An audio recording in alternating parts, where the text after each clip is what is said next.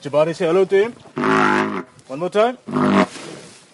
Okay, Angelo, vertel my van die drie olifante wat jy hierso het. Die drie olifantjies, hulle is van die Kree Kreewild en oorspronklik. Hulle was weesgelate tussen 3, 5 en 8 maande. Hulle het basies die heininge gebreek rondom die Kreewild en in die omliggende plaasomgewings ingegaan en die die die, die, die plaasboere se se krops gedestrooi daar.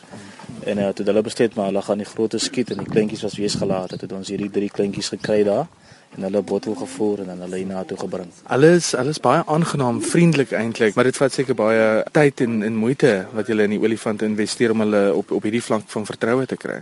Ja, eerstens jy moet 'n liefde hê vir hierdie diere en dan dan is uh, dan bou jy probeer jy die verhouding bou met die diere. Dis hoekom ons ons ons oogie oog hulle so 24 ure 'n dag. Dis hoekom hulle so vriendelik is en ja.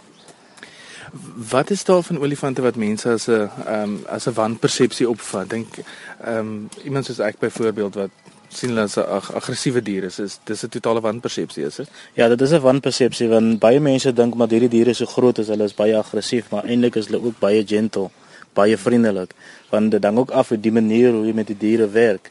Dis hoekom ek sê ons ouens ons gee baie tyd aan hierdie diere, ons sit alles in om hulle so vriendelik te kry. En 'n olifant se geheue, mense praat altyd van 'n olifant se geheue, hy baie goed. Hulle het 'n baie goeie geheue, hulle onthou so plus minus 70% van hulle hele lewe. So dis altyd belangrik om olifante met respek te hanteer en dan gaan hulle vir jou respek teruggee. By saluting you. Salut. Oh, shame. Thank you. Kulelo malaika check. Check. Check malaika. Say thank you. Guys, that was all about it. Your breakfast.